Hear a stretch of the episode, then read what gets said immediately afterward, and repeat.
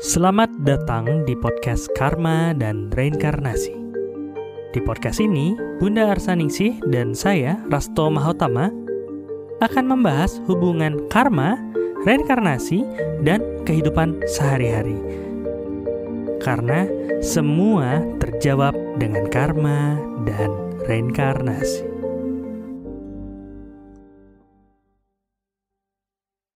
Salam cinta penuh dengan kedamaian. Ketemu lagi sama saya Dr. Asto Mahotama. Di sini ada Bunda Arsaningsi dan kembali bintang tamu yang kemarin Kiavano dan uh, hari ini kita akan sharing-sharing diskusi tentang karma, reinkarnasi dan realita.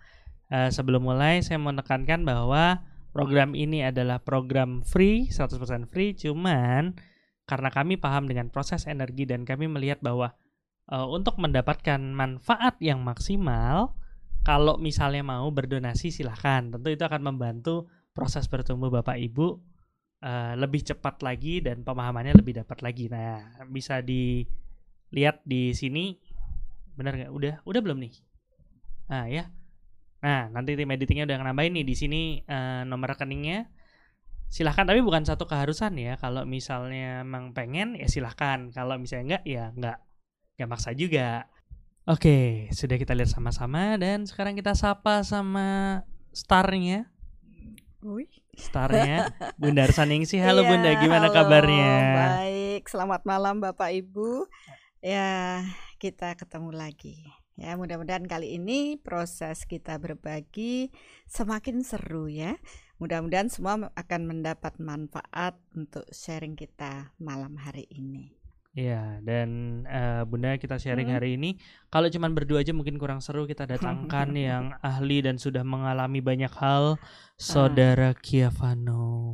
Halo semua, salam cinta penuh dengan kedamaian. Udah lebih rileks sih kan.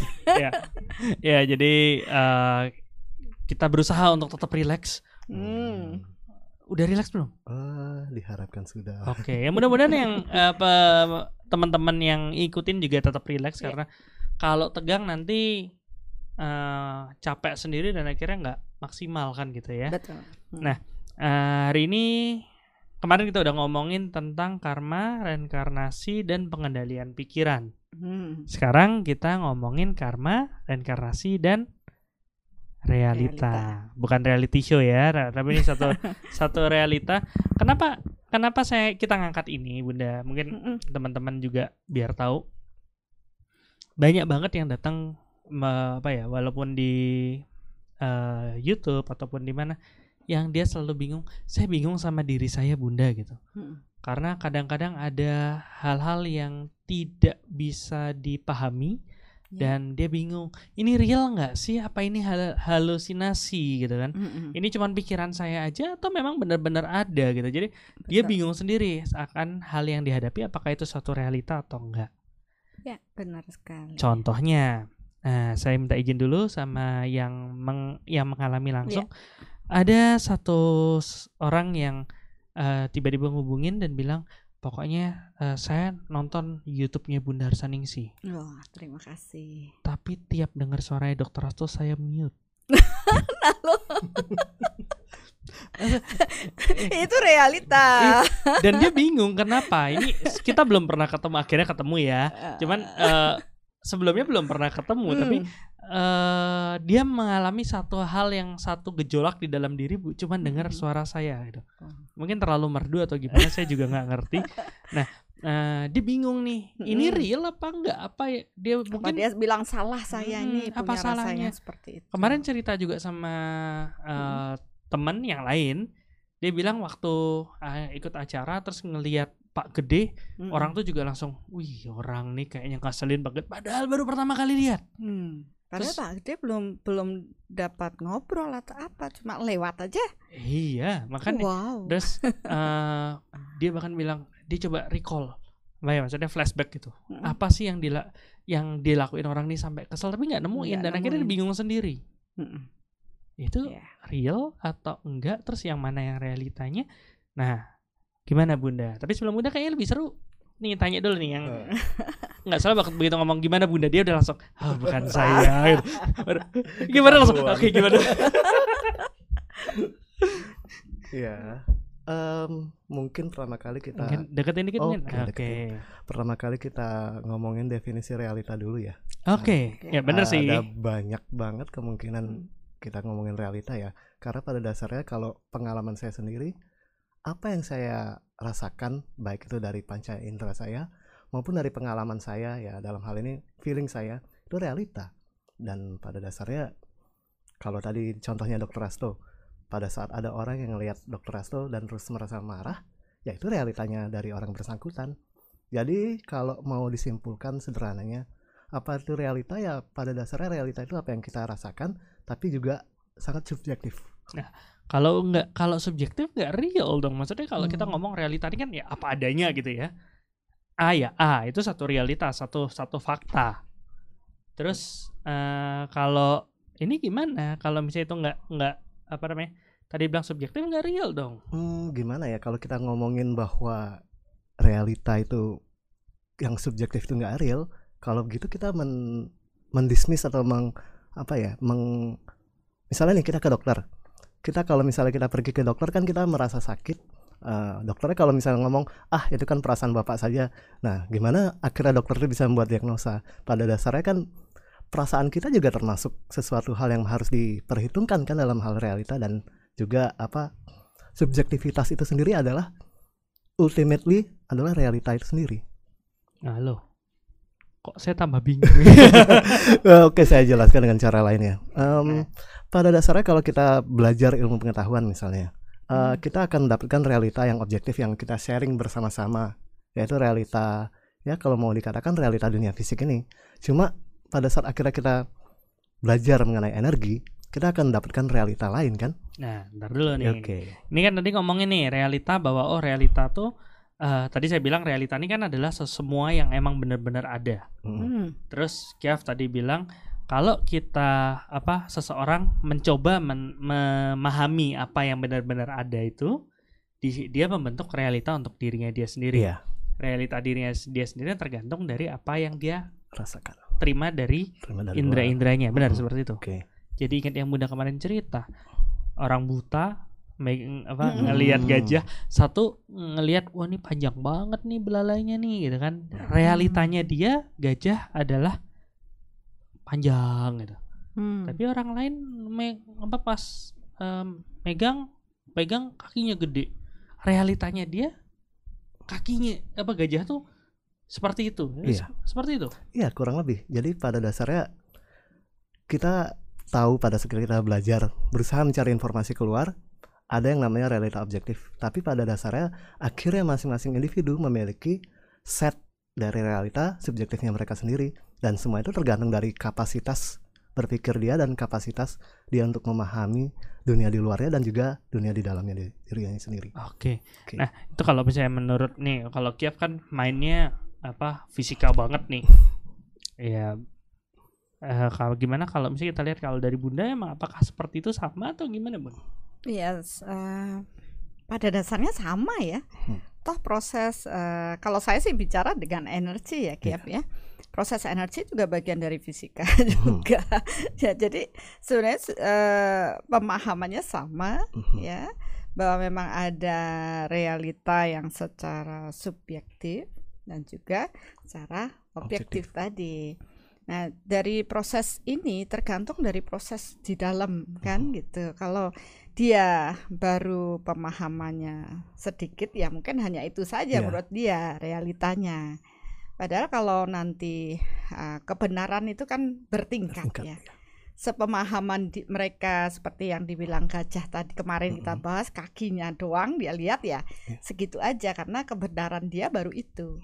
Tapi kalau kita mau benar-benar memahami realita yang memang benar-benar real ya semuanya itu bisa dipahami dalam proses eh, pancaran-pancaran atau radiasi energi di alam ini. Iya. Itu yang paling tidak bisa dibohongi ya, real banget.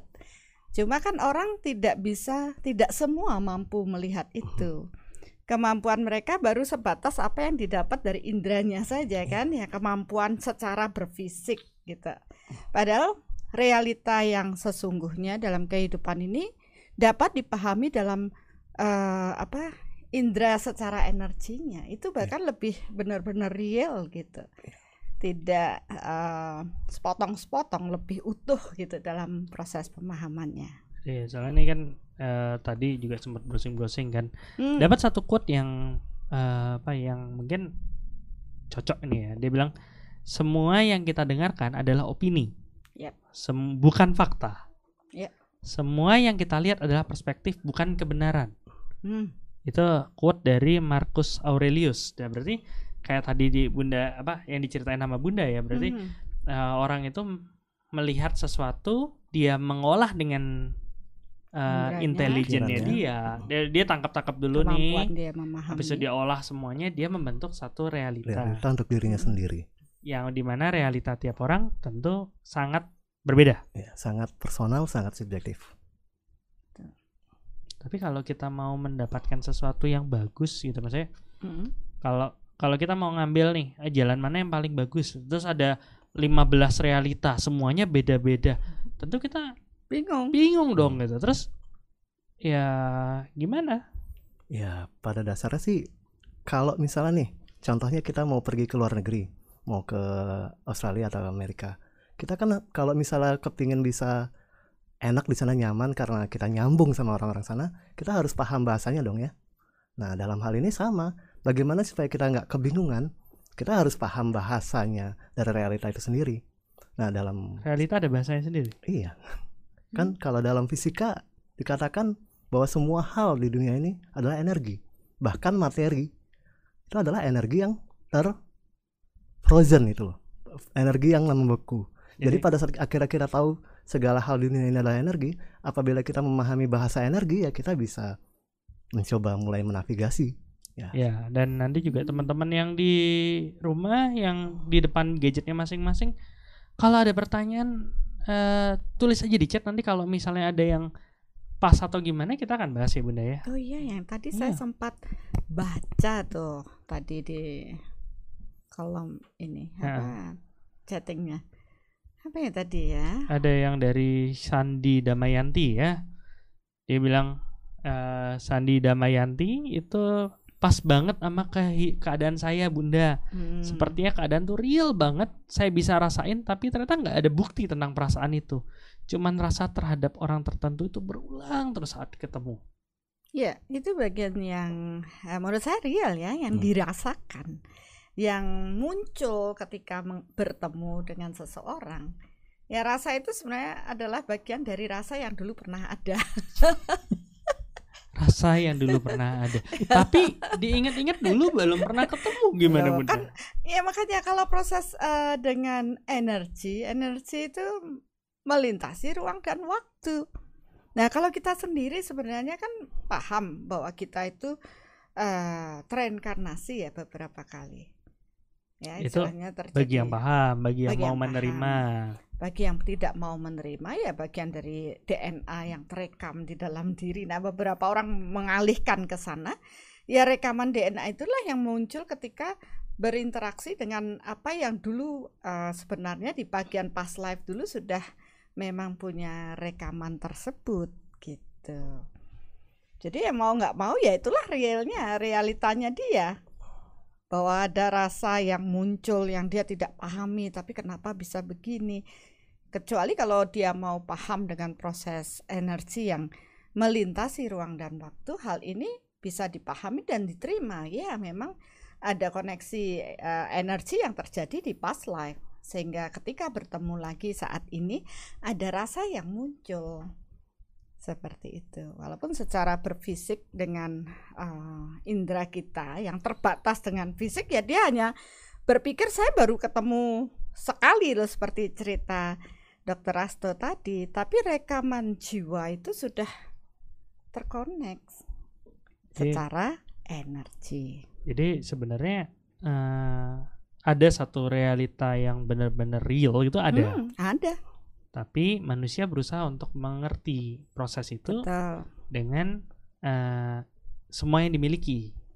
Ya kalau dia masih hanya berpikir bahwa kita hanya tubuh fisik, maka ya dia bisa menerjemahkan sesuai dengan yang dimilikinya sekarang, kesadarannya sekarang dengan indranya. Jadi panca indera nih. ya. panca indera. Hmm. Tapi ketika dia mempunyai kesadaran yang lebih tinggi lagi bahwa dia mem- bagian dari tubuh energi atau tubuh spiritual ini, maka dia akan menjadi lebih luas gitu tanpa ada batas antara ruang dan waktu dengan eh, kesadaran tubuh fisik ini. Jadi realita yang dia lihat akan jauh lebih luas dan dia akan mengetahui sesuatu yang tak terbatas di past life-nya dia. Oke. Seperti itu. Jadi eh, apa bisa dibilang eh, realita itu ada, cuman untuk memahami realita itu diperlukan eh, alat yang tepat. Iya. Seperti itu. Iya, kurang lebih seperti itu karena kalau kita mau lihat contoh eh, zaman dahulu ya, kita bilang dua abad yang lalu, nggak ada tuh orang yang tahu tentang sinar ultraviolet, nggak ada orang yang tahu juga tentang inframerah. Nah, tapi kita tahu bahwa di alam ini tuh ada yang seperti itu. Bukan berarti zaman itu nggak ada ultraviolet, Bukan bukan? berarti nggak ada, itu udah ada dari dulu kala kan. Emang sudah dari sononya bagi pada pada saat alam diciptakan itu eksis. Cuma pada saat akhirnya orang menemukan alat yang untuk mendeteksi sinar ultraviolet ataupun ya sinar inframerah yang tidak mampu ditangkap oleh ma- mata manusia, baru ketahuan, oh rupanya ada realita baru di luar dari apa yang selama ini kita pahami. Jadi yang seperti yang Bunda sampaikan, pada dasarnya kita membutuhkan alat untuk bisa mengetahui realita lain. Nah, pertanyaannya nih kepada Bunda, Loh, alat yang seperti saya. apa? Ya, mungkin eh, kenapa Kiaf eh, Kiavano nih bertanya Bunda, Hmm. Dia banyak sudah men- menjalani proses mencari dan Hmm. memahami realita dirinya. Di mana perjalanan Ah. Kiavano tuh saya nggak tahu, jadi silakan cerita, Mas. Wah, kalau diceritain ini satu sesi nggak nggak selesai-selesai. Jadi Se- secara garis besar lah, maksudnya ini kan Hmm. biar biar teman-teman paham nih prosesnya seperti apa kok sampai muncul pertanyaan bahwa oh saya perlu Hmm. satu alat atau satu pendekatan tertentu untuk memahami realita itu. Hmm, ya kalau saya sederhanakan dengan pengalaman saya dulu kurang lebih seperti ini. Dulu saya ada yang namanya kegalauan batin ya. Eh, dari hidup ini, saya lulus kuliah, terus ngapain? Oh iya, kerja seperti orang lain, berkarir. Tapi kok kayaknya ada yang kurang dari di situ ya. Jadi saya mulai belajar kan, belajar untuk mencari tahu apa sih yang kurang. Iseng aja saya belajar ilmu fisika, ilmu kimia, ilmu biologi, sejarah dan sebagainya. Dan kok galaunya nggak hilang-hilang juga ya makin lama malah tambah galau. Nah, pada saat akhirnya saya tambah galau, saya mulai berpikir, jangan-jangan ini berhubungan dengan kehidupan saya sebelum kehidupan saya yang sekarang. Nah, jadi dari situ saya belajar bagaimana caranya saya mencari tahu siapa dulu saya.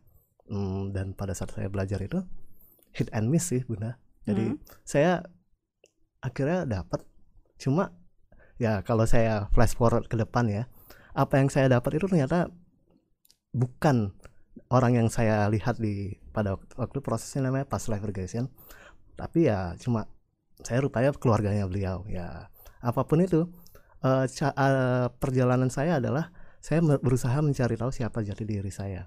Cuma alat yang saya pergunakan untuk mencari tahu itu rupanya masih kurang presisi nah Hmm. dalam hal ini apakah alat yang presisi itu Ini nanya apa gimana ya? mancing sih lebih tepatnya benar Loh, se- sebenarnya malah saya yang bertanya dari sisi fisika nih ya. Hmm. Ya, saya Oke. memang akhirnya mungkin mereka yang galau kayak Kiaf yang seperti diskusi kemarin tuh akhirnya terjawab setelah eh, mempelajari proses energi ya. Iya.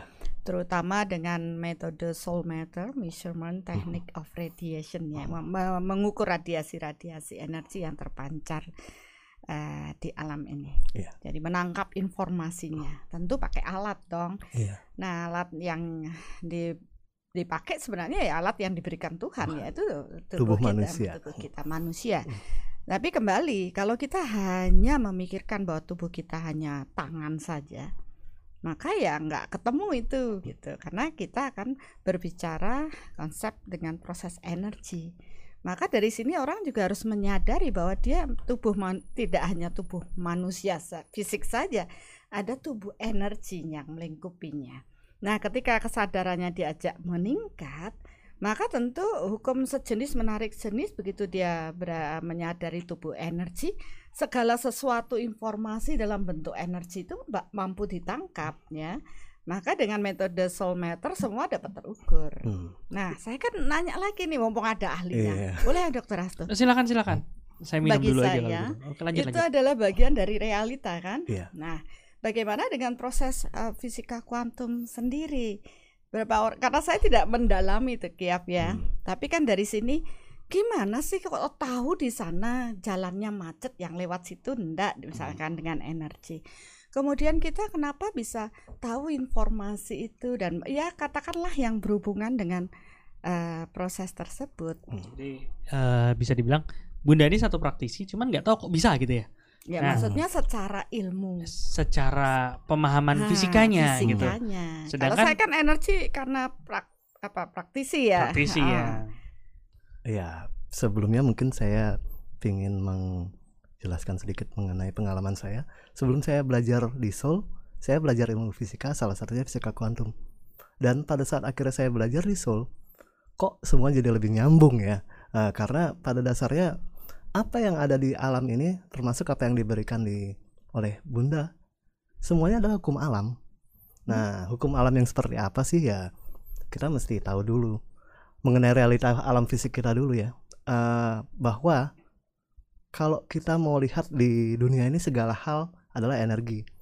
Dan materi yang dalam hal ini nah misalnya mikrofon saya yang depan ini sebenarnya 0,00001 persen dari pe- realita itu sendiri segala hal yang sifatnya fisik Hmm. itu cuma bagian yang sangat uprit banget dari realita kita hanya seputar debu. iya tapi kenapa sih kita cuma berfokus sama yang kecil itu Hmm. Padahal secara fisika materi itu cuma bagian yang seper entah seperberapa deh saya mesti baca buku lagi. Tapi Mm-mm. ya karena kenapa? Karena kalau kita melihat dunia keluar ya, misalnya kita mem- mempelajari astronomi dan Wah, kosmologi, itu kita bakal mengetahui ukuran alam semesta perkiraan ya, Hmm. kurang lebih 10 pangkat 25 meter.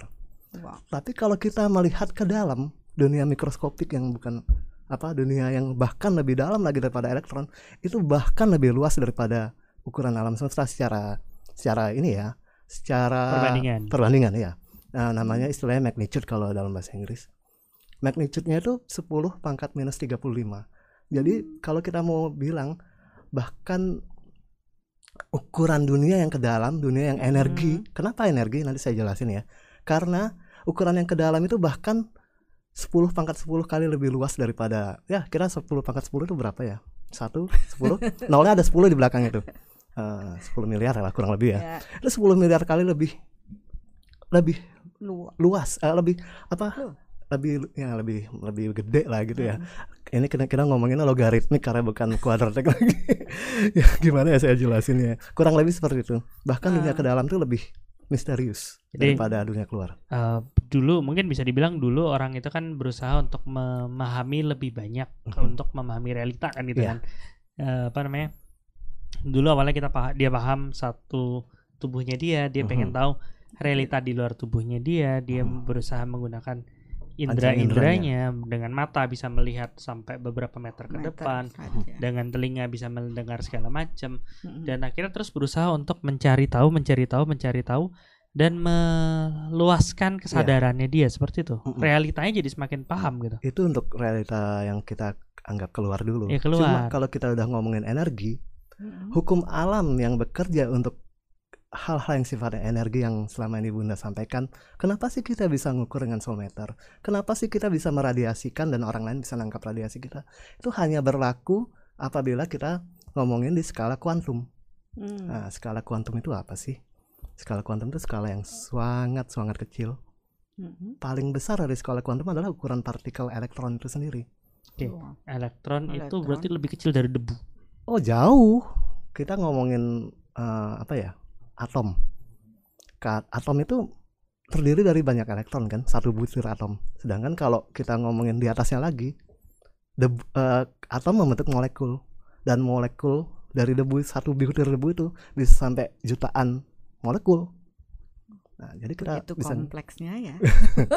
ya jadi kita ngomongin skala yang super duper kecil dan Hmm. bahkan masih jauh lagi ke dalam. Hmm. Nah, kenapa sih informasi itu tersedia di alam ini? Nah, kayak kita tahu bagaimana kita mengirimkan sinyal radio keluar. Mm-mm. itu kan ada yang namanya gelombang suara habis itu gimana cara kita menyampaikan sinyal itu ke orang lain biar bisa diterima oleh Diterima. orang lain itu ada yang namanya encoding encoding itu artinya apa kita memberikan kesepakatan bersama antara pengirim dan penerima Mm. bagaimana eh, saya bisa menyampaikan informasi ini kepada si penerima. Nah, dalam hal ini radio dia menggunakan beberapa cara kan, contohnya kayak AM dan FM. Nah, kalau saya jelasin panjang deh itu. Nah, sama kayak informasi juga ada di alam ini tapi dengan skala yang sangat-sangat luar biasa kecil dan Hmm. itu terencoding di dalam suatu hal yang bahkan nih partikelnya itu lebih kecil daripada udara. Jadinya apa? Segala hal yang ada di dalam partikel yang kecil itu pasti ruang hampa. Nah, Hmm. dan saking kecilnya kecil banget yang sampai kita mau bayangin juga nggak nggak kelihatan. Bukan hanya nggak kelihatan bunda. Nggak kebayang. Kecilnya luar biasa tapi ya di situ bagaimana informasi itu tersimpan dan terencode Hmm, di alam hmm, ini. Hmm. ya, semuanya pasti berdasarkan pola.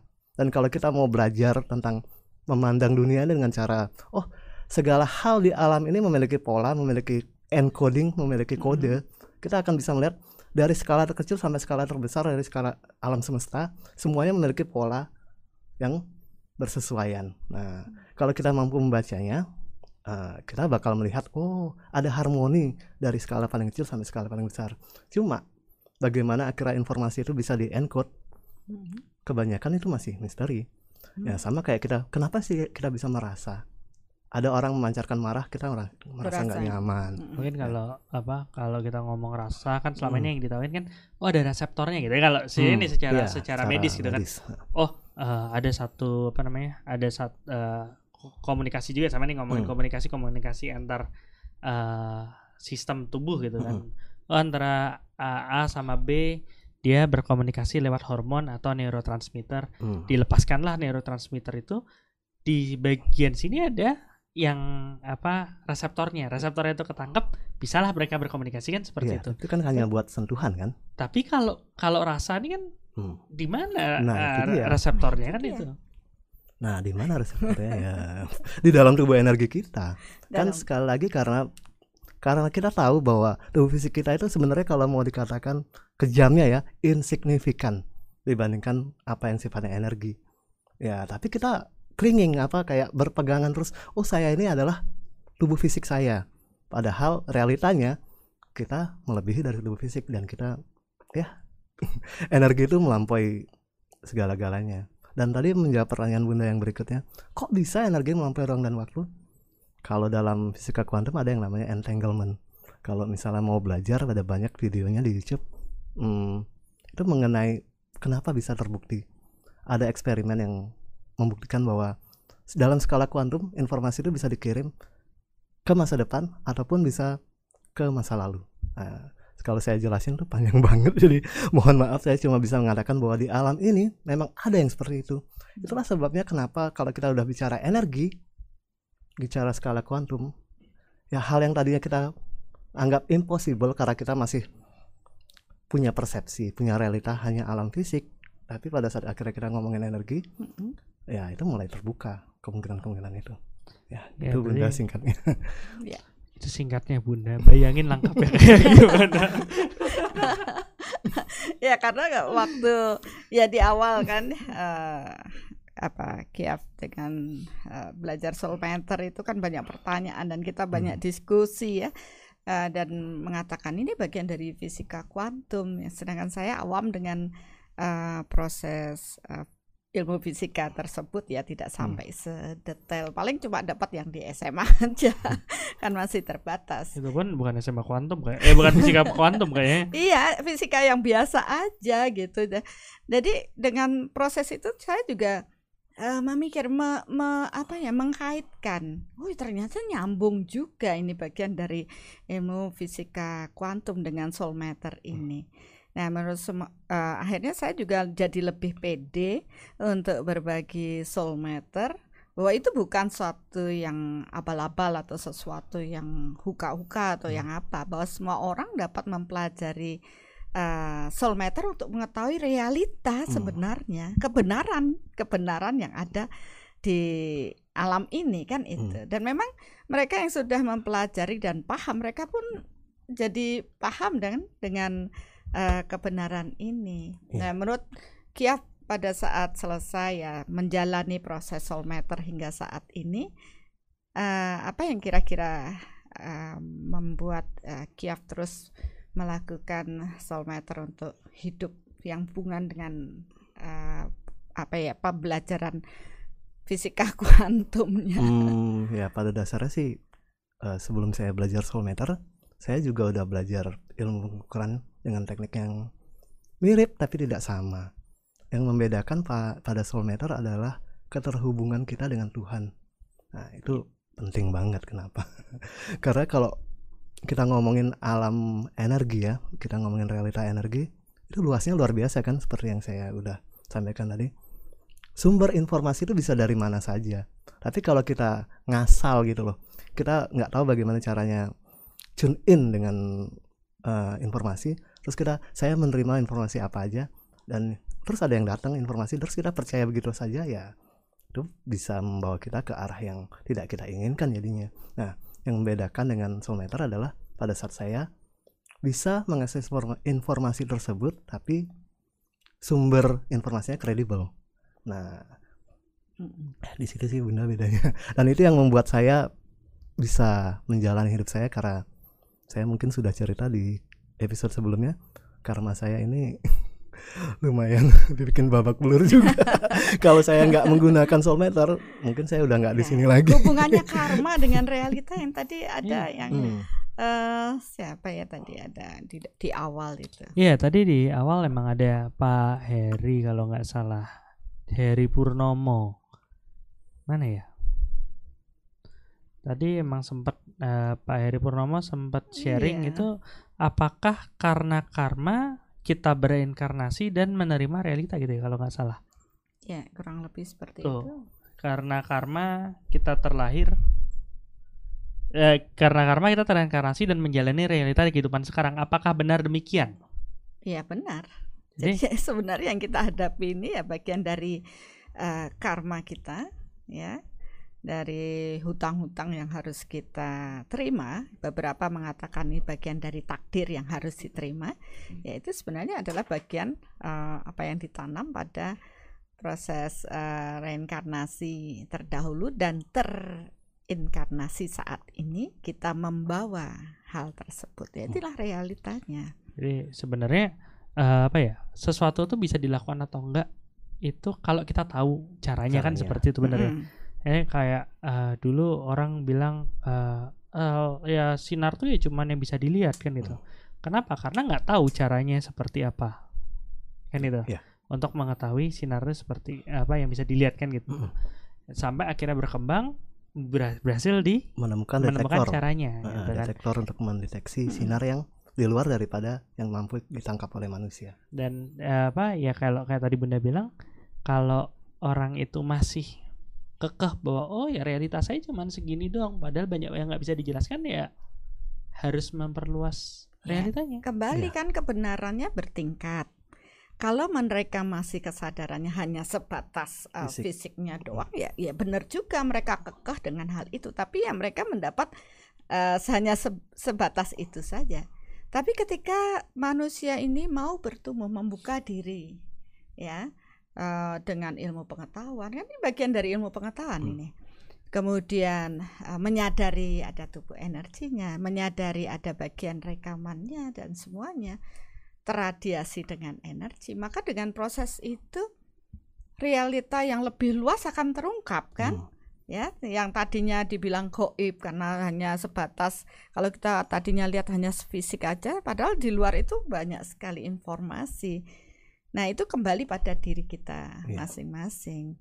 Ya. saya melihat banyak ya kalau tadi Kiaf bilang ya perubahannya setelah uh, mem belajar membedakan itu ya hmm. dari uh, melihat realita kan ini bukan kali pertama Kiaf belajar kan hmm. membuka diri dengan realita ini ternyata dengan proses keterhubungan dengan Tuhan itu ya kan kalau di Soul meter kan wajib itu hukumnya. ya. ya, supaya membuat kita benar-benar bersara dengan Tuhan dan ini cara apa ya membuat seseorang dalam kondisi yang netral. Tidak uh, mengacaukan informasi itu dengan ego yang dia miliki apa istilahnya ya secara objektif Iya. ya Hmm. objektif Aku aja, jadi inget tidak yang tidak di apa ya di dipengaruhi oleh ego kita kayak yang dulu pernah kita pernah diskusikan yang Iya. ada eh, apa bahwa kalau kita mengukur sesuatu itu sebenarnya kita udah merubah Iya, kondisinya kalau kan. ya? dalam skala kuantum usaha dari pengukuran itu merubah apa yang diukur dengan kata lain kita mengintervensi iya hasil. mengintervensi Nah, kalau ini ini masih hipotesa saya karena nggak ada cara untuk membuktikan kecuali pengalaman kita sendiri ya. Kita menggunakan keterhubungan dengan Tuhan, kita mengukur tanpa mengintervensi. Karena kenapa? Tuhan itu melampaui segalanya dari alam ini. Transcending kalau istilah bahasa Mm-mm. Inggrisnya. Eh, jadi pada saat Tuhan transcending everything, kita mendapatkan, mendapatkan informasi tanpa harus mengintervensi dari apa yang kita ukur.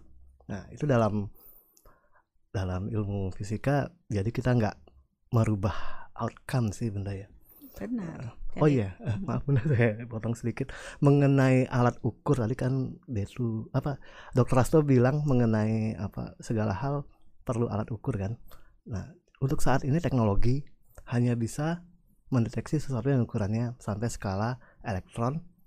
Ada sih eh, detektor untuk sesuatu yang ukurannya lebih kecil daripada elektron tapi itu pun detektor, yang mengukur secara tidak langsung. Sedangkan yang harus kita ukur sesuatu yang bahkan lebih kecil daripada itu. Hmm. pilihan kita apa? Kalau misalnya pasrah saja oh saya nunggu sampai teknologi berkembang. Ya mungkin beberapa abad lagi bisa. Saya nggak tahu ya. Tapi kalau misalnya kita saya ingin sekarang bisa mengukur sesuatu hal yang sifatnya energi nih ya kita harus manfaatin apa yang ada dong ya. Yaitu Hmm. apa? Apa yang Tuhan anugerahkan kepada diri kita itu sih yang sebenarnya saya Iya. ingin bisa sampaikan kepada kawan-kawan semua di sini Ya teman-teman apa ya eh, kayak tadi bilang kan kita bisa pakai menunggu diciptakannya suatu alat yang luar biasa atau Hmm. memang menggunakan apa yang sudah ada. Ya kayak kita lihat nih Kak, depan nih depan kita kamera nih Bun. Secanggih-canggihnya kamera ya pasti lebih canggih mata kita gitu ya. Hmm. Nah sekarang gimana Bun kira-kira nih kayak tadi eh, Kiaf bilang eh, apa namanya realita itu tergantung dari apa realita yang bisa kita pahami tergantung dari seberapa kita bisa menangkap informasi. kapasitas Bener ya? Mm-mm. Iya. Setuju ya Bunda ya? setuju Tapi bukan berarti kalau kita nggak apa kalau kita nggak eh, bisa nangkap itu nggak ada. Iya. Itu tadi udah dijelasin dengan proses eh, contohnya infrared yang nggak kita nggak bisa lihat tapi setelah semakin paham ternyata Itu bisa ada. ada Hmm. gitu. Terus eh, apa eh, proses kayak tadi bilang energi itu bendanya kecil banget kan gitu. Mm-mm. Apa harus belajar kayak Kiaf dulu baru ngerti ya pun? Soalnya saya takutnya semakin belajar saya tambah bingung bukan tambah ngerti gitu loh. lah Kiap gimana tuh pusing nggak Eh, kalau buat saya sendiri sih bunda em, mungkin saya orang yang nggak terlahir dengan kepekaan yang yang Hmm. kepekaan energi yang ya dikit-dikit ngerasa gini atau ngerasa gitu Hmm. pemahaman saya terhadap ilmu hukum fisika membantu saya untuk bisa menjalankan software dengan lebih mudah sih ya Soalnya ke- logikanya eh, eh, jalan iya. ya karena bagi saya itu logis yang bagi Mm-mm. orang itu nggak logis karena ya mungkin pemahamannya perlu diperluas lagi untuk mem- bisa memahami bahwa segala hal yang ada di alam ini pada akhirnya jadi logis karena kita paham bukan karena ya gimana ya? Ya itu dah. Itu ya sebenarnya eh, dokter Rasto ya. Ini kan kita sudah berdiskusi dari sudut pandang Kiaf ya. Dia belajar dulu memenuhi dengan oh paham fisika kuantum. Itu yang logis kan. Mm. dan eh, tapi dari situ masih ada kegalauan kan. Masih. nah setelah itu belajar solmeter. Ketemu nih dengan solmeter ternyata kan mampu menjembatani pikiran logisnya dengan Mhm. sesuatu. Karena yang saya bagikan ini kan berhubungan dengan sensitivitas terhadap energi. Iya. menangkap informasi dalam bentuk energi ya. Sehingga kita pahami secara intuisi itu bisa kita pahami. Dari proses rasa ya rasa ya dari proses kepekaan kita dengan energi.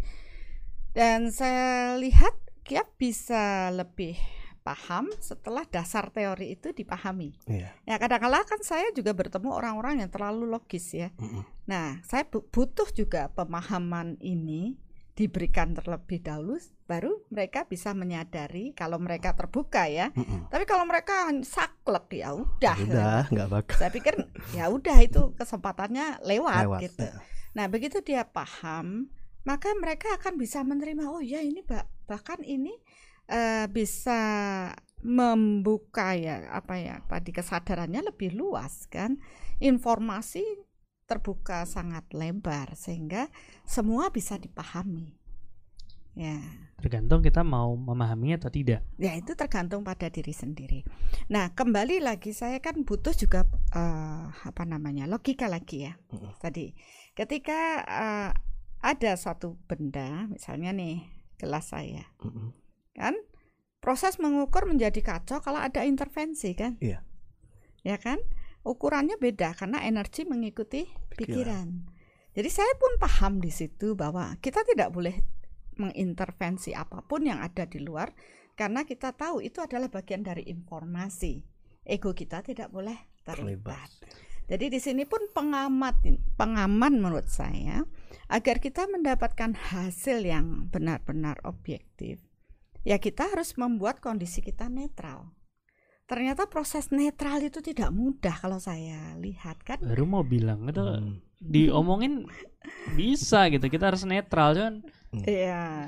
gimana pun kalau kita begitu ngeliat langsung ada hipotesis ya. Hipotesis 0, hipotesis 1, hipotesis 2 ya kira nggak netral Ya juga. itu gitu. kan dari proses pikiran yang loncat-loncat. Nah, nah kita kan melatih ini proses menetralkan diri. Nah, saya amati dalam proses menetralkan diri yaitu ketika seseorang berserah kepada Tuhannya. Jadi melibatkan kekuatan Tuhan dalam proses dia menetralkan dirinya. Begitu dia dalam kondisi yang netral dan berserah, itu tidak ada lagi radiasi-radiasi yang terpancar keluar yang akan mengintervensi apa yang akan terukur. Berarti sebenarnya eh, ini du, ini kan dua ilmu yang berbeda nih ya. Hmm. Ilmu satu ilmu energi apa dari soul yang Bunda eh, rangkum, Bunda temukan. Satu adalah ilmu fisika kuantum yang memang sudah berkembang dari awal abad 20 awal abad 20. Ya. Dan kita ngomongin satu hal yang sama nih Hmm. Ini sama. tentang proses apa tentang proses eh, apakah proses mengukur itu mengubah satu kondisi. Tapi ternyata memang bisa di- disampaikan dengan dua sudut pandang yang berbeda. Benar. Tapi sebenarnya itu barang yang sama barang, Barang yang yang sama. sama. itu i- luar biasanya Tuhan memberi itu seperti itu. Ini yang dijabarkan oleh Kiab adalah sudut pandang dengan proses pemakaran kesadaran seseorang fisiknya ya. Ya dalam proses berpikir, ilmu pengetahuan di sana sedangkan saya membawa sudut pandang energi ini dengan proses energi yang terasa, rasa yang tadi Roso ya, lebih ke Roso, rasa ya. olah roso gitu ya. Yang kita nggak tahu reseptornya di mana itu. Iya. Tapi kalau kita di energi ya tahu udah di mana ya itu lem- lem- tempatnya pada proses kesadaran jiwa itu yang membawa rekaman semua proses jiwa. Kalau kita bicarakan mencari ke dalam diri kan kita akan ketemu semuanya. Begitu kita juga berorientasi keluar ya keluar ini netral banget asal kita tidak mengintervensi dengan pikiran, perasaan kita. Jadi kita harus netral, tidak mempengaruhi dari atau yang di luar atau tidak terpengaruh oleh fenomena yang ada di luar. Itu PR banget. Ya memang sih Kalau nggak tahu caranya. kalau nggak tahu caranya. Tapi buktinya banyak orang yang mempelajari soul matter mereka fine dan malah merasa oh saya belajar ini saya lebih damai. Bahkan semakin saya sering menggunakan soul matter, saya semakin berlatih berserah kepada Tuhan. Semakin sering saya melakukan soul matter, saya lebih sering terhubung secara energi dengan energi Tuhan. Dan itu netral gitu lah. Kita bisa mengetahui informasi apa pun. Kuncinya cuma satu saja, berlatih untuk berserah kepada Tuhan. Banyak orang mengatakan dirinya sudah berserah pada Tuhan. Tapi ya kenyataannya belum. Kan semua secara energi itu terukur. Masalahnya juga itu kan kalau kita ngomong orang ngomong berserah gitu kan. Mm. Eh, apa ukurannya orang berserah itu apa gitu. Eh, kalau kita lihat nih orang ngomong oh ya saya udah berserah ya. Kira-kira apa ukurannya? Susah sekali. Ya maka dari itu kita seperti yang tadi sudah saya sampaikan harus sa- samakan bahasa dulu kan Iya. kan kalau misalnya kita mau pergi ke luar negeri harus ngerti bahasanya kalau kita mau nyaman dan gampang menavigasi diri kita nah dalam hal ini kalau kita pingin bisa tahu ukurannya apa ya kita paham bahasa energi dulu dong Dan Nah, Bunda bilang Mbak, dengan proses bahasa energi ini bisa bisa terukur benar-benar seseorang itu berserah atau enggak? Benar, bisa dan itu bisa eh, terlihat ya. Eh maksudnya bisa ter- terukur ya. Jadi tidak hanya sekedar kata-kata. Mungkin yang baru kemarin ikutan soul meter jadi ngerti oh iya ya berserah itu harus seperti itu. Jadi kenapa eh, saya mengatakan tidak bisa mengajar soul meter secara online. Karena itu bagian dari proses mengukur itu sendiri. Dan orang itu ya benar-benar melakukannya. Harus benar-benar melakukan sampai proses keberserahannya itu benar-benar totali ya berserah tidak ada syarat yang harus begini begitu ya itu Ya itu kan banyak banget pertanyaan nih Bun Kayak nih Hmm. Andrini Diah Trisnawati nanya Berlatih berserah pada Tuhan nih caranya gimana Bunda? nah, ikuti soul meter Ya, soalnya- workshop Ya gimana ya kalau kita ngomong ya kayak tadi kayak tadi Kiaf bilang eh, kalau kita kalau ngomong kalau harus mengerti kita harus pakai bahasa yang tepat kan gitu ya. Kalau kita pakai bahasanya bahasa teks, bahasa atau Tulisan. video gitu Mm. sepertinya kurang kurang serak Sulit. ya sulit untuk menjelaskan itu.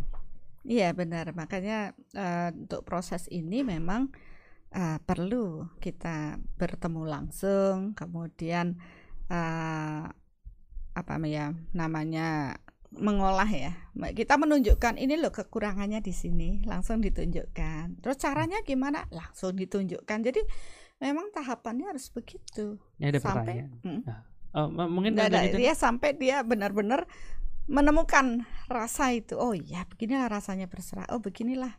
Karena dengan proses eh, tadi bahasanya harus sama kita kan menyamakan bahasa di di energi kan ya mungkin bahasanya orang ini frekuensinya disamain dulu. disamain frekuensi sama ingat jadi radio Mm-mm. ya Tune kan in dulu. Tune in. yang satu ngomong FM, yang satu ngomong AM ya nggak Iya, nyambung kan gitu. beda beda protokol makanya pada waktu workshop soul matter ya frekuensinya juga disamakan dulu ya Oke. dalam hal ini ya kan kurang lebih pada saat kita belajar soul meter sebenarnya kita belajar protokol protokol komunikasi Iya, karena ya itu banyak orang yang nggak apa ya, yang men- merasa bahwa eh, Tuhan tuh nggak adil atau Tuhan itu nggak sayang sama dia, bukan karena sebenarnya seperti itu, tapi karena dia menggunakan protokol yang berbeda, Mm-mm. menggunakan bahasa yang berbeda. iya realitanya Realitanya, karena dia menganggap Iya. realita yang benar tuh ini gitu.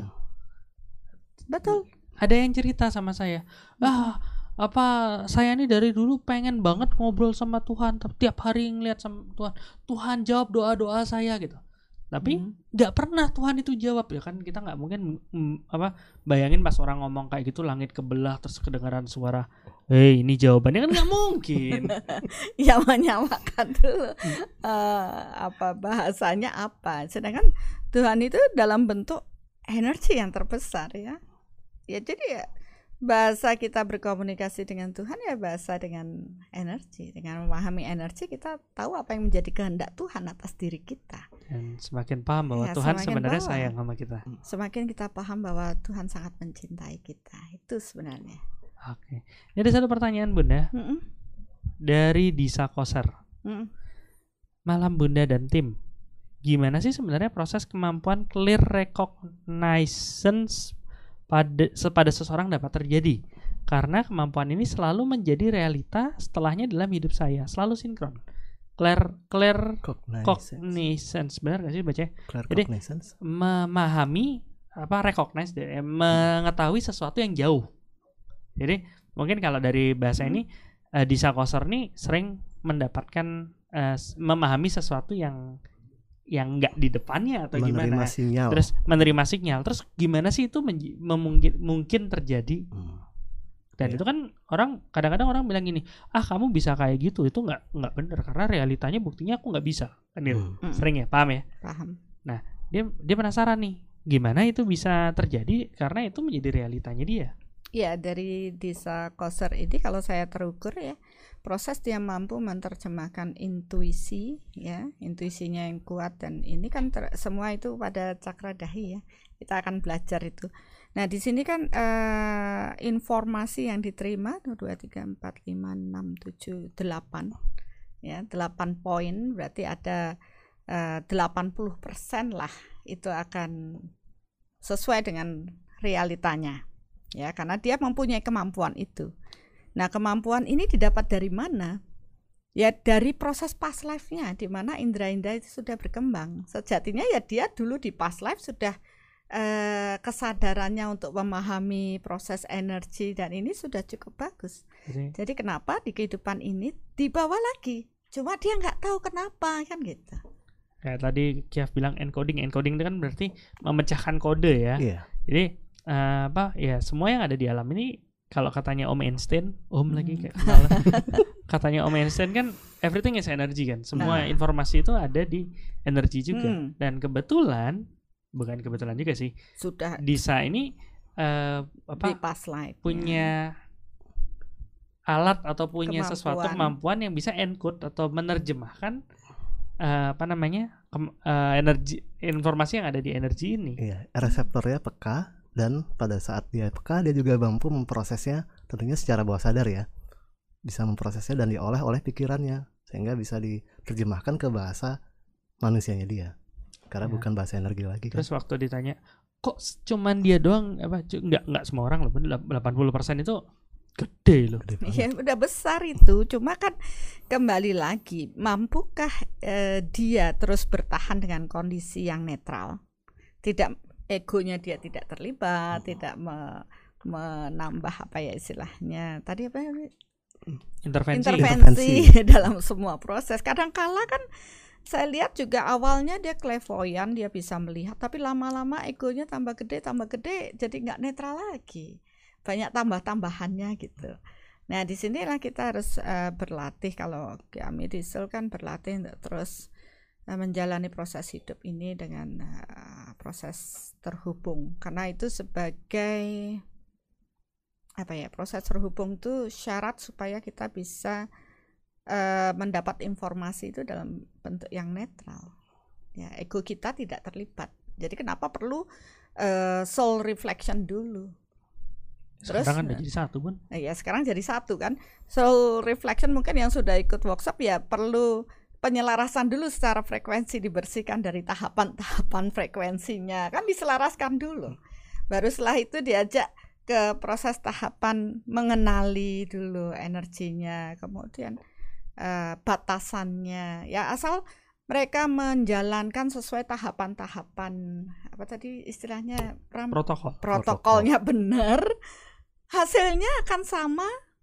dengan mereka-mereka yang mengukur. Jadi memang benar-benar objektif dan ini sudah terbukti dengan proses eh, banyak orang mengukur satu objek hasilnya sama. Selama dia memang mau terbuka. Ya, dan selama protokol tahapannya ini dijalankan dengan benar. Ini ada komen lagi nih Bun dari Sandi Dar- Damayanti. Hmm.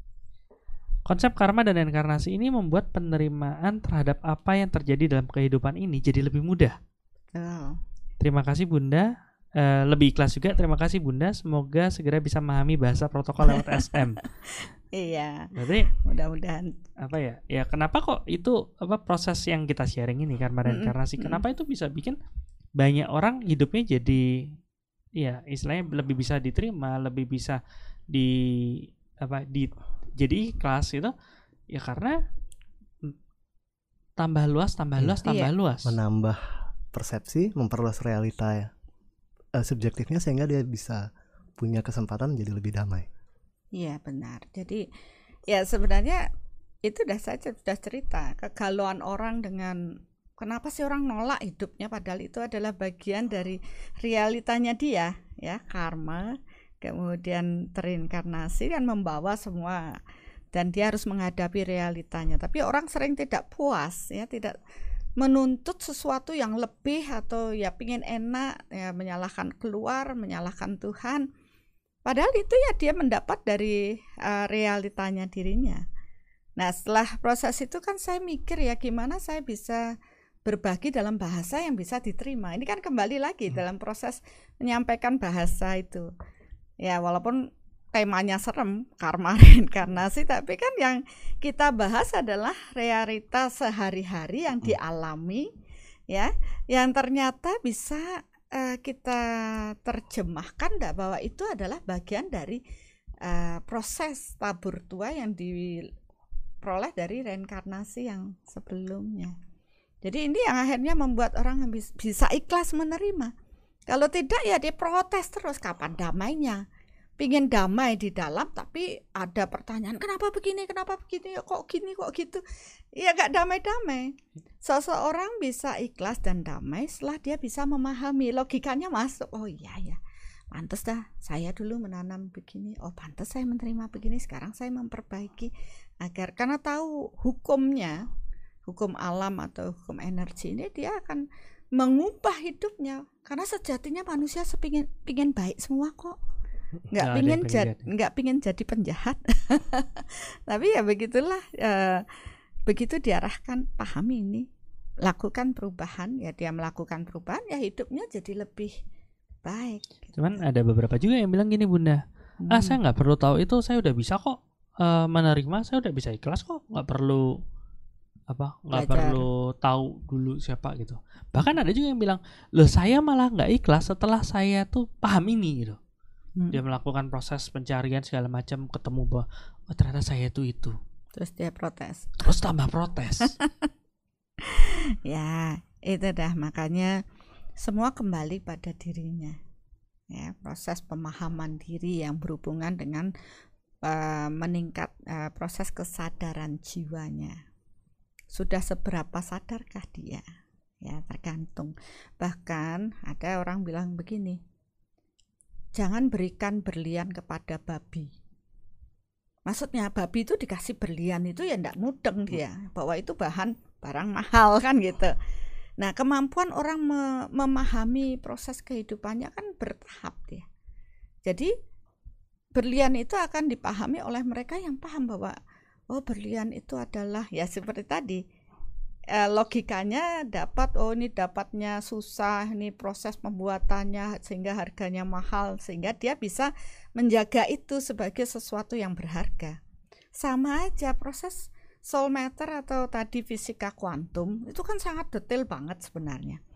Begitu dia paham oh inilah sesungguhnya pasti dia akan menghargai dan akan uh, menjadikan sesuatu yang berharga bagi dirinya karena itu ya katakanlah soul ini bisa menunjukkan arah kita untuk menuju pada kebenaran-kebenaran di alam ini. Ya sehingga itu membuat kita damai membuat kita tenang dan keberserahan kita akan lebih terarah. Benar gitu nggak hanya sekedar berserah dengan kata-kata. Karena untuk bisa melakukan soul meter tahapannya adalah untuk bagaimana sih kita berserah pada Tuhan dan saya rasa itu perlu latihan ya, Kiaf kan berlatih terus yeah. semakin orang melatih soul matter ini semakin bonusnya semakin berserah pada Tuhan energi Tuhan juga semakin kuat mengalir pada diri mereka Iya, eh, uh, mau nanya lagi nih. Tadi tadi kan tadi udah udah bilang semua orang harus berlatih untuk berserah. Nah ini kan kita melihat nih uh, mohon izinnya dari Disha tadi Disha Koser mau apa sebagai contoh gitu. Kalau kita ngom kalau kita ngelihat nih kita nggak paham nih realitanya. Kita cuma hmm. ngeliat realitas sekarang aja. Kita kan ngelihat Disha Koser tuh enak banget. Dia 8 80% dia bisa nangkep. Hmm. Ya gitu kan. Lah, terus apakah cuman orang-orang yang kayak gitu aja yang bisa belajar?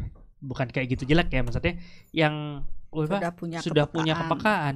Gimana dengan kita kita yang uh, mungkin kalau dibilang lima persen aja udah syukur atau limit x x iya. mendekati nol itu kan kembali tergantung pada diri mereka tadi seperti tadi kita kan hanya mengajak yuk ternyata Tuhan itu memberi kita sesuatu yang luar biasa dengan tubuh kita bisa nggak kamu mensyukuri bahwa tubuhmu itu tidak hanya tubuh fisik aja ini loh ada tubuh energi kalau kamu paham tubuh energi maka realita kita akan jauh lebih luas. Tidak hanya uh, terpaku sama sekitar yang bisa ditangkap dengan informasi dengan mata. Misalnya mata mata saya 2 meter aja udah kabur misalkan. Telinga saya udah mulai tidak peka. Ya mungkin terbatas kan realita yang bisa saya uh, dapatkan. Nah, begitu kita paham energi, ternyata energi tidak batas, tidak ada batas ruang dan waktu. Jadi kalau mau, kenapa tidak dari orang yang tidak paham apa pun, ya begitu kita kesadarannya meningkat, dia mau membuka dirinya bahwa menyadari oh ya ternyata tubuh saya begini-begini, ada hukumnya seperti ini. Kan itu kan detail di, dipahami. Kemudian disamakan frekuensinya, dibersihin dari proses tahapan frekuensi yang uh, pendaman-pendamannya di seperti di soul reflection habis itu baru di diperkuat lagi tubuh energinya. Akhirnya dengan protokol jadi ikut bukan protokol kesehatan ya protokol soul meter yang benar lawang Tuhan itu sudah adil ngasih kita sama kok. Ya tubuh fisik dan energi ya tentu ketika mereka mau menyadari tubuhnya energinya dengan baik tidak ada penolakan ya semua akan mampu merasakan energi itu intinya dokter.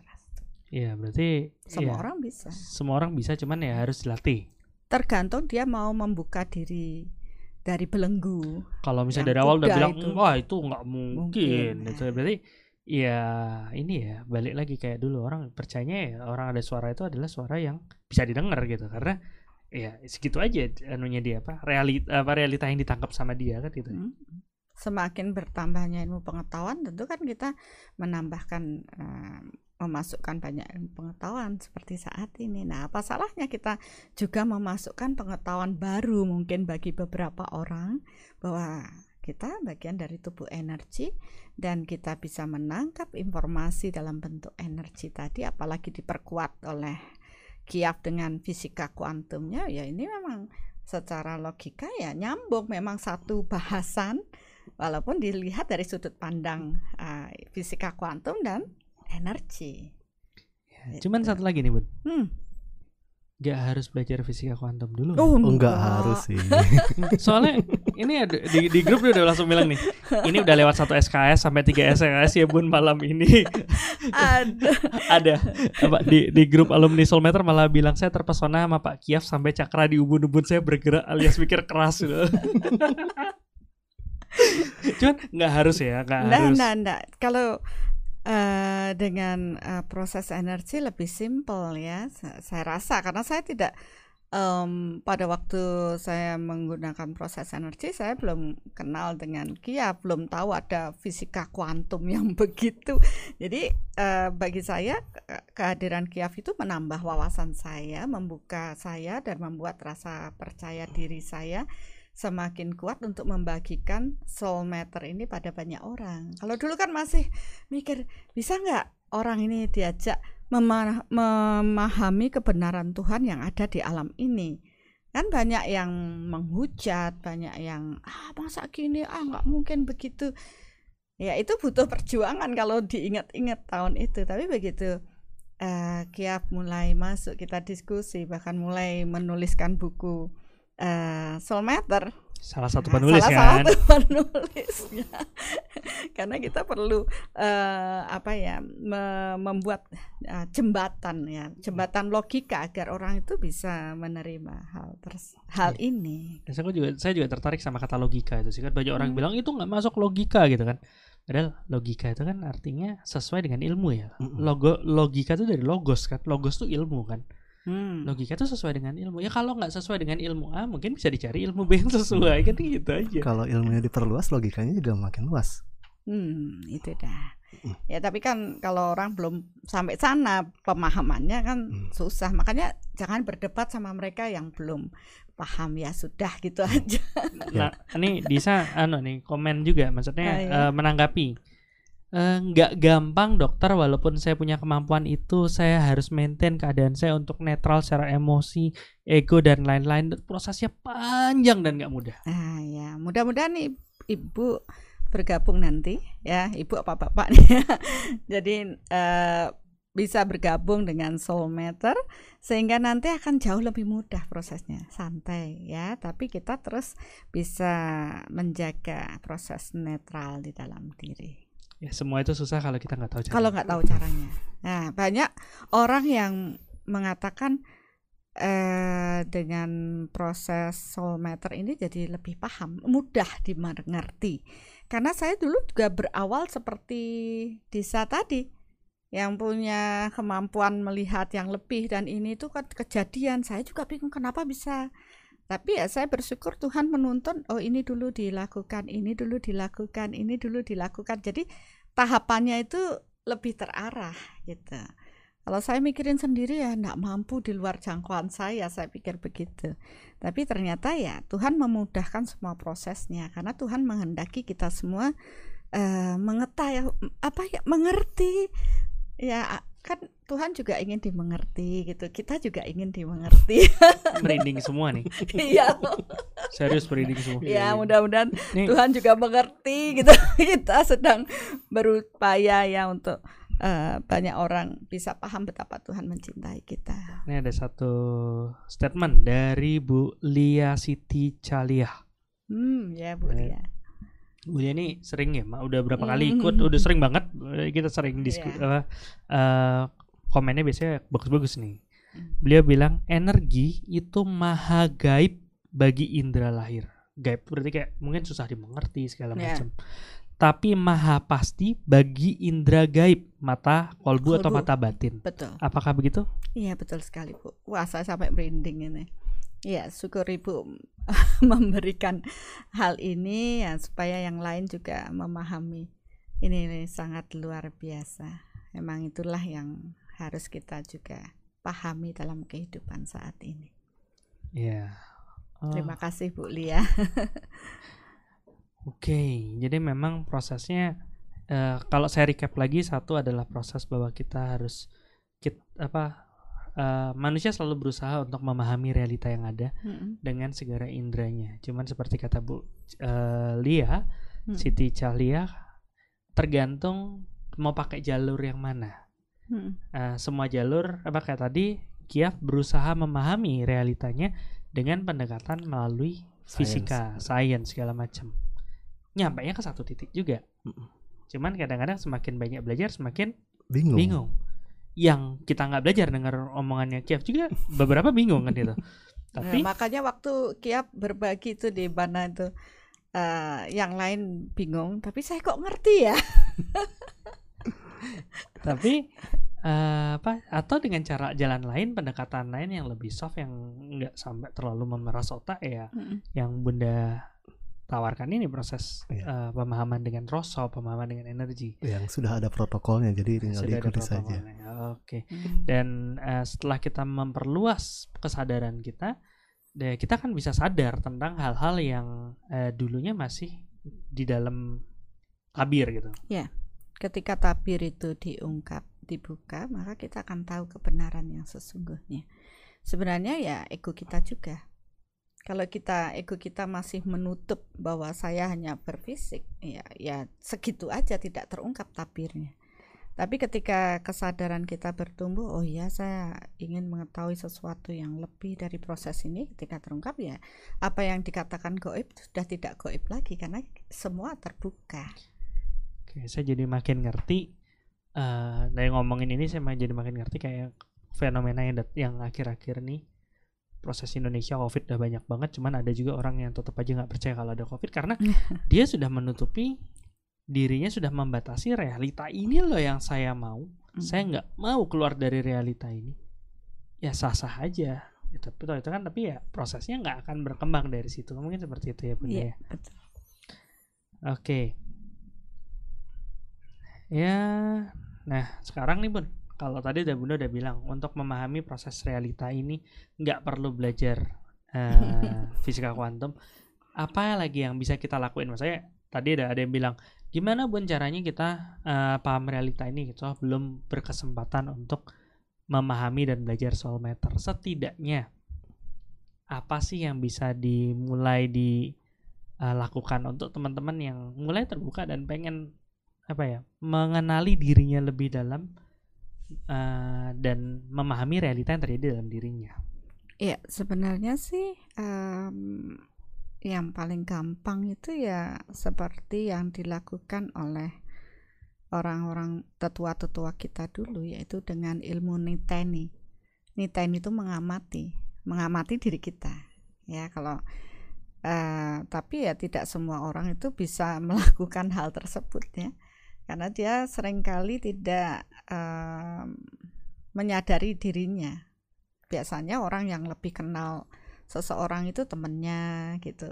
Jadi sampai ada pepatah mengatakan kalau ingin mengenal seseorang kenali lihat uh, sifat-sifat teman-temannya pasti seperti itulah dia kan itu. Ya kadang kita tuh masih butuh orang lain untuk nunjukin kita salah kita ini. Nah untuk bisa uh, sebelum sampai ke proses soul matter ya coba masuk ke dalam dan niteni hidup kita mengamati hidup kita. Bukannya kalau uh, yang perlu kita sadari apa pun realita yang kita dapat saat ini itu adalah bagian dari kita.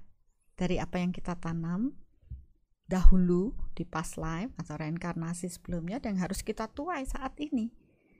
Makanya kenapa saya kalau ada orang nanya e, karma saya siapa dulu bunda? Saya nggak mau jawab. Eh karma yang mana? Orang seribu kali lahir masa saya harus nyari yang mana? Tidak. Saya lihat hasil dan buah karma buah karma dari proses reinkarnasi kan sudah diterima dalam proses berjalan. Yang terakhir ya sekarang ini. Apa pun yang kita tanam yang sekarang berbuah ya inilah yang harus kita sikapi dengan baik. Jadi amati proses ini dan upayakan untuk terus uh, menerima. Prosesnya harus menerima dulu. Entah itu baik entah itu buruk. Dulu kita buruk menanam pasti di kehidupan saat ini buruk kita terima. Dulu saya baik menanam di kehidupan ini uh, baik saya dapat. Nah ketika realita hidup kita saat ini buruk jangan menyalahkan keluar. Tapi sadari ya proses yang bisa dilakukan adalah menerima dulu tidak komplain, tidak protes sama Tuhan atau orang lain. Terima, oh ya, berarti sesuai dengan hukum alam ini bahwa saya dapat buruk berarti saya dulu menanam buruk. Proses yang bisa dilakukan ya minta maaf dan memaafkan itu kata kuncinya. Tentunya untuk proses ini perlu kerendahan hati. Di sini kita berlatih olah rasa. Siapa sih yang nggak sakit hati disakiti? Tapi lihat kenapa saya dia datang dengan menyakiti saya? Berarti saya dulu menyakiti dia. Olah rasa kita terima mereka apa adanya dan proses meminta maaf dan memaafkan itu akan membuat kita akan bertumbuh. Hidup kita akan jauh lebih damai dan ikhlas. Tidak cukup ikhlas berserah kepada Tuhan ya dengan proses ini tentu akan ada proses-proses yang bertumbuh lagi nantinya. Jadi ya memang harus apa ya berusaha terus mengamati ya. Mm -mm. Nah itu kalau mengamati kalau eh, katanya belum belajar ya. Tapi kalau sudah belajar soul meter ya tinggal ukur aja. Iya, eh, paham sih. itu lebih mudah. Kayak dulu eh, kalau bunda selalu ngingetin saya waktu belum belajar soul meter, ini marah gitu. Marah apanya? Saya rasanya nggak marah gitu. atau ini loh coba kayak gini-gini loh rasanya enggak gitu tapi kalau setelah paham soal meter ya begitu dibilang nih ada sombongnya naik ukur eh iya naik eh, kecilin gitu berarti lebih gampang ya bagi seorang ibu untuk marahin untuk ngasih tahu iya lebih lebih gampang jauh lebih gampang seorang bagi seorang anak untuk memahami bahwa itu juga lebih eh, gampang eh, iya. Karena protokolnya sesuai ya sama jadi kita nggak perlu ayel-ayelan ya semua damai dengan proses ini. Uh, satu pertanyaan lagi, Oh, pertanyaan ada? terakhir. Oh. Tadi udah bisa dibilang closing statement atau belum? Kalau belum, saya mau tanya lagi. ya, dari tanya aja. Ah, oke. Okay. Antar lagi kita akan dengerin closing statement dari Bunda. Cuman sebelumnya saya pengen denger closing statement dari Kiam dulu. Wah, ditolong gini. uh, ya, kalau pada dasarnya saya bisa sharing banyak jalan menuju Roma sih.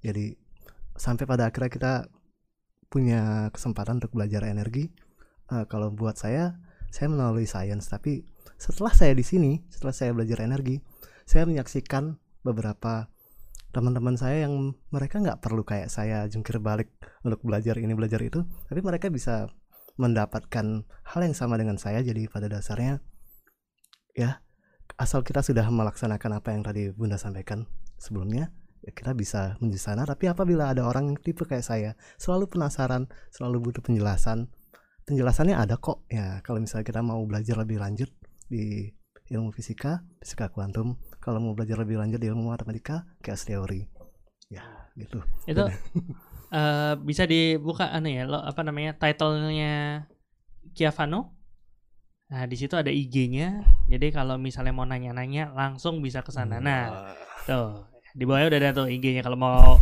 wah tertarik nih sesuai saya banget. Eh, silahkan. Follow tanya-tanya atau gimana silahkan. Ya, Kalau langsung, langsung deg-degan gitu Oke. Kalau dari Bunda gimana Bunda? Nih soalnya eh, katanya udah lewat dari 3 SKS nih. Kita nggak mau nanti eh, apa malah apa kalau terlalu banyak kan juga orang bingung Hmm. juga kan. Kira-kira statement closing statement sebelum kita tutup sesi ini. ya, tadi kan sudah ya. Itu pre-closing statement. Saya nanya loh, kalau misalnya tadi Bunda bilang udah ya selesai. Ya, ya kayak gitu baru segitu. Sekarang tambahin dikit boleh kan? Jangan Boleh bilang dong. tambahinnya terima kasih doang ya.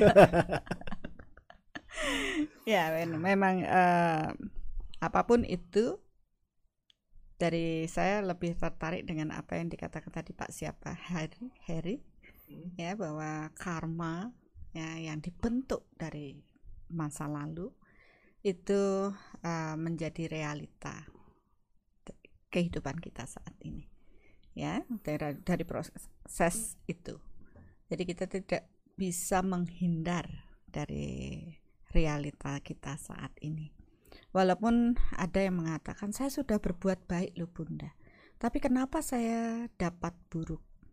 Ya kalau orang mengatakan seperti itu karena yang dilihat adalah hanya sebatas realita saat ini padahal kalau kita mau membuka diri kita lebih luas lagi mau tidak mau bagian dari takdir ya karma yang kita terima saat ini adalah bagian dari realita kita yang lebih luas jangkauannya yaitu di past life kita.